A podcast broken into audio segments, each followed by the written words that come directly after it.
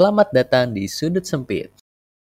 Sudut Sempit ini adalah segmen terbaru dari podcast Layar Sempit yang isinya mengenai pembahasan film-film terbaru.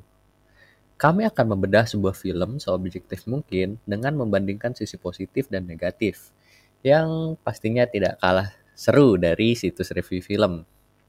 Dan di akhir episode ini kami akan memberitahukan apakah film ini layak untuk masuk watchlist kamu. Masih bersama gua Irfan dan rekan gua Andi. Halo Di. Selamat siang. Nah, kami berdua tetap yang akan menemani kalian sepanjang episode ini berjalan. Sebelum masuk ke pembahasan filmnya, kami akan memberikan sedikit sinopsis sebagai pengantar untuk masuk ke dalam review film ini. Film yang kami angkat kali ini adalah film Sweet Girl. Untuk sinopsisnya akan dijelaskan oleh Andi lebih lanjutnya. Nah, untuk sinopsisnya gimana nih di film si Sweet Girl ini? Jadi ini uh, film actionnya dibintangin Jason Momoa sebagai lead actor sama satunya tuh anaknya tuh Isabella yang jadi Dora kalau tahu Van. Oh itu yang jadi Dora? Iya, gua juga pertama kali lihat. Oh. Kayak kenal nih cewek kecil. oh iya Dora, cuma dia sekarang udah panjang rambutnya. Kan kalau Dora dibuat kayak rambut gitu ya. Uh-uh. Nah, jadi filmnya sendiri itu uh, klasik lah, cerita tentang bapak-bapak yang mau balas dendam ke perusahaan sebuah perusahaan obat-obatan karena sudah uh, merugikan istrinya. Jadi istrinya itu meninggal nih gara-gara keserakahan dari perusahaan obat-obatan ini. Selagi dia balas dendam itu dia juga secara bersamaan tuh harus melindungi anaknya. Jadi nanti itu kalian ada drama bapak anak sama action lah pastinya. Biasa ya. Ini drama yang paling sering ada gitu. Ya kalau nggak bapak anak, suami istri. Tapi sering fun. Apa drama bapak anak ini diselipin lah di film-film action. Iya sih. Paling paling rekat kayak kemarin itu yang kalau udah nonton apa tuh filmnya Siapa nih? Zack Snyder? Oh, Army of the Dead. Ya, Army of the Dead kan bapak anak. Iya juga. Kalau lo inget. Iya, iya benar-benar. Walaupun kita nggak expect ada bapak anak kayak di awal. Kalau ini kan udah dari awal kelihatan gitu. Iya sih, kalau ini kan emang inti permasalahannya itu kan. Iya, benar. Nah, tadi kita udah mendengarkan bagaimana sinopsis dari film ini. Kita langsung masuk ke pro kontra dari film ini nih. Karena gue masih bingung apa kon apa pro-nya, jadi gue langsung masuk ke kontranya. Nah, jadi film ini nih kalau dari kalau setelah gue nonton ini film tuh emang sih film action, tapi dia tuh terlalu banyak actionnya sampai kalau gue bilang cukup membosankan jadinya dan actionnya juga gitu-gitu aja dan konflik-konfliknya juga terkesan apa ya terlalu basi gitu kalau gue bilang.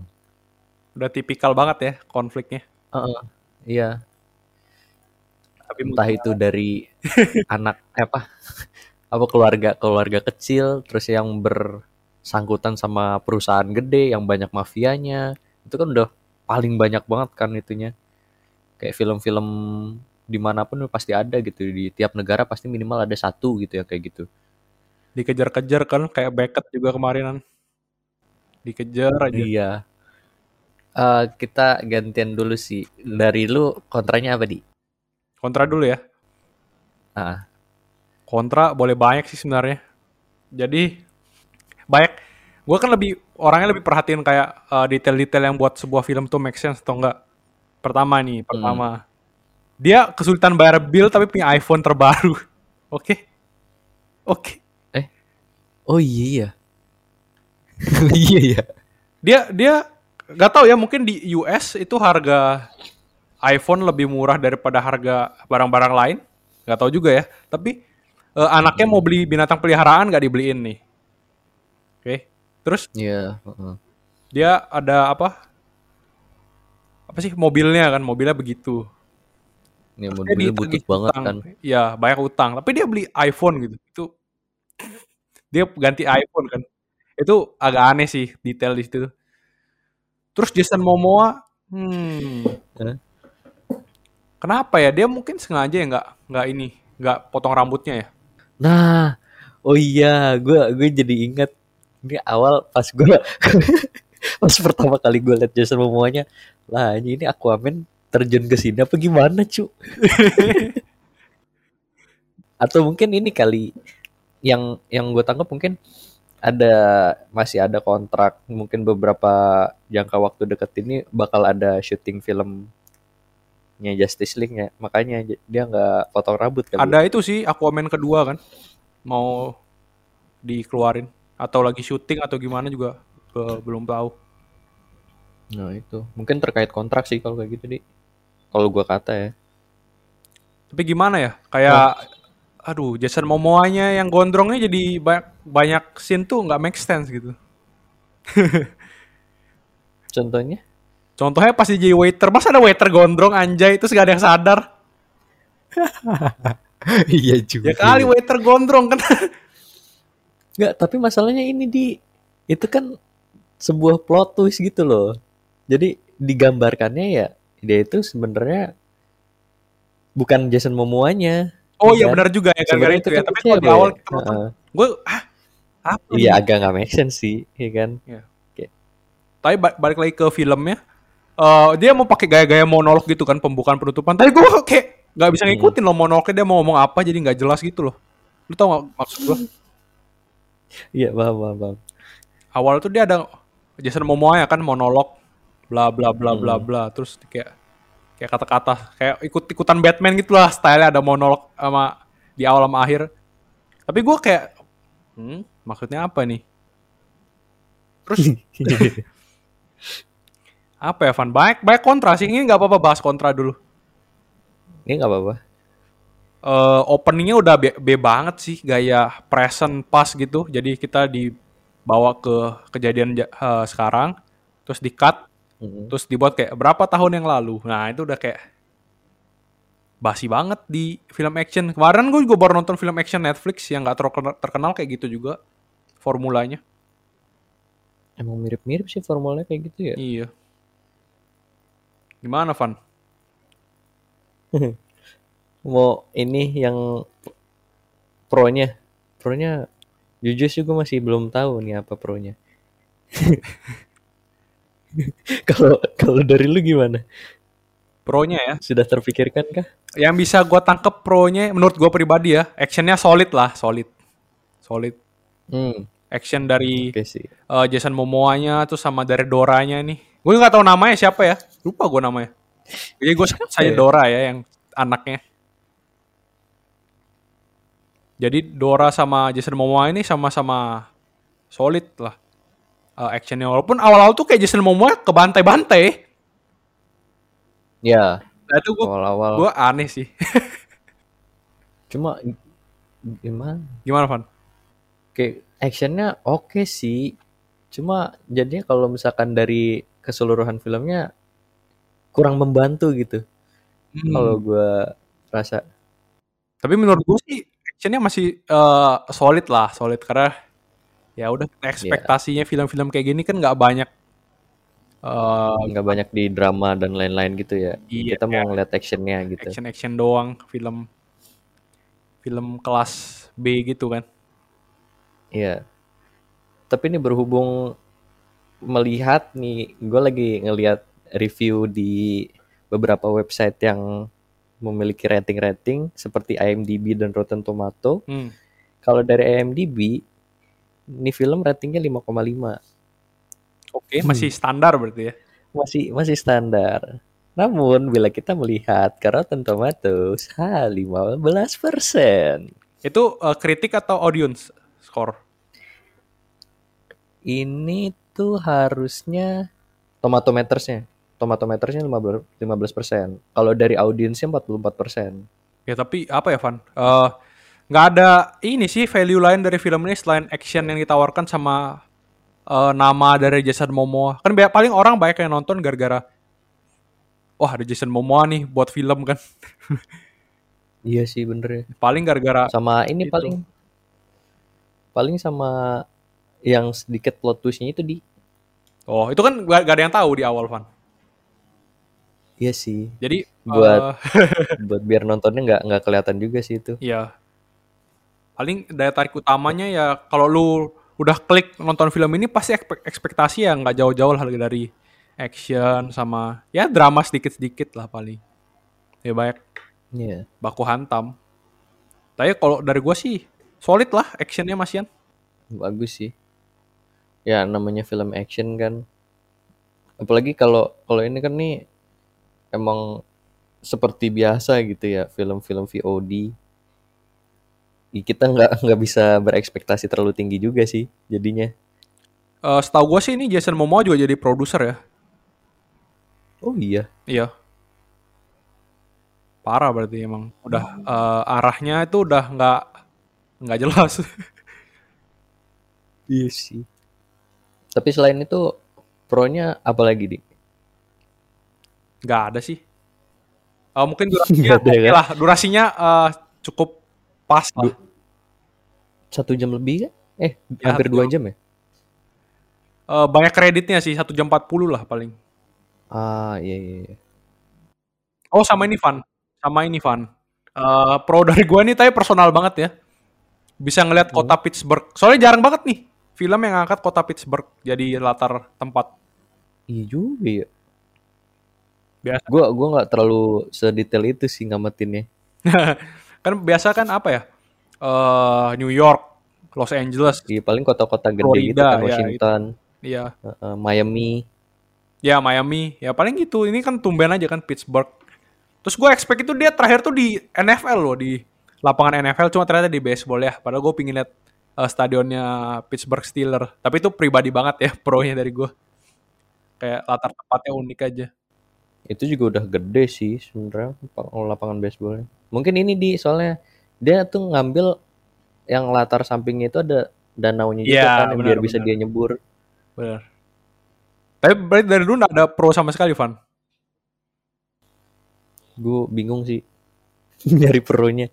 Ya pro-nya kalau kalau dari gue pribadi ya mungkin gara-gara ada plot twist-nya aja gitu. Wih, plot twist cuy kayak gitu. Jadi ya udah tapinya cuma plot twist doang gitu gue bikin gue kaget gitu. Wah, plot twist. Tapi abis itu loh kok begini? Jadinya begitu malah. Tapi kan ini eh, berhubung lu udah bahas plot twist-nya ya. Jadi di eh, sudut sempit ini kita ada satu eh, analisa X Factor. Nah, X Factor-nya ini plot twist ini atau bukan, Van? Kalau keunikannya sih iya kalau gue bilang. Jadi ada satu plot twist gitu. Kan biasanya film action ya udah action doang gitu kan, nggak ada hal-hal yang berbau-bau plot twist atau gimana gitu kan. Hmm. Ini tiba-tiba ada. Soalnya ini kalau kalau dari eh, sudut pandang gue pribadi gitu ya, karena gue udah nonton Who Am I gitu yang gue demen banget itu, itu ada ada sedikit plot twistnya yang tentang beberapa kepribadian ganda gitu. Yang diceritain dia itu di manipulasi ini tuh dibilangnya dia kerja sendiri, padahal dia ada satu tim. Tapi ini kebalikannya gitu di film yang Sweet Girl ini. Dia ternyata kerja sendiri gitu. Itu sih yang bikin X Factor-nya. Kan kita udah bahas ini eh sebenarnya sebelum sebelumnya kita belum ada bahas nih plot twist-nya nih apa, Van? Plot twist dari film ini. Oh iya. Jadi sebenarnya tuh plot twist-nya selama perjalanan dia ngebunuh-bunuhin penjahatnya, ternyata dia itu nggak sama bapaknya. Ternyata bapaknya itu udah meninggal pas dia ngikutin ke underground train itu kan. Iya.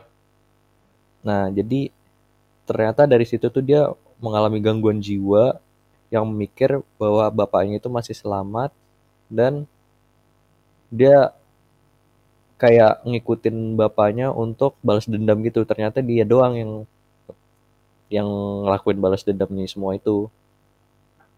Sebenarnya Gitu. Ini eh, patut diapresiasi sih Van kata gua Eh, mereka berusaha menambahkan plot twist di sini.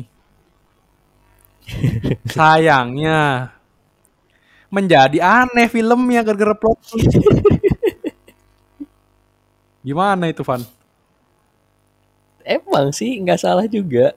Soalnya jadinya nih agak nggak make sense juga sebenarnya.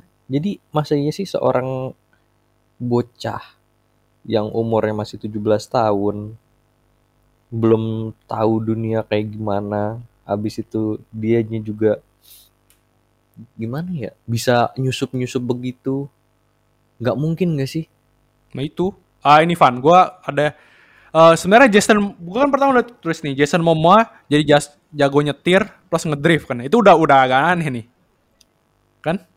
oh, Terus tiba-tiba dibuat plot twist ternyata itu kan selama ini anaknya kan, si Do- Dora ini Iya ternyata, eh Dora ini ngedrift dong, ngedrift, iya makanya. Nah itu kan lebih aneh lagi. banyak. Jadi karena plot twist jadi banyak plot hole gitu. Ya sesuai judul lah. nah kita langsung masuk ke verdictnya nih. Kesimpulannya dari lu gimana di? Dari film ini nih si Sweet Girl-nya.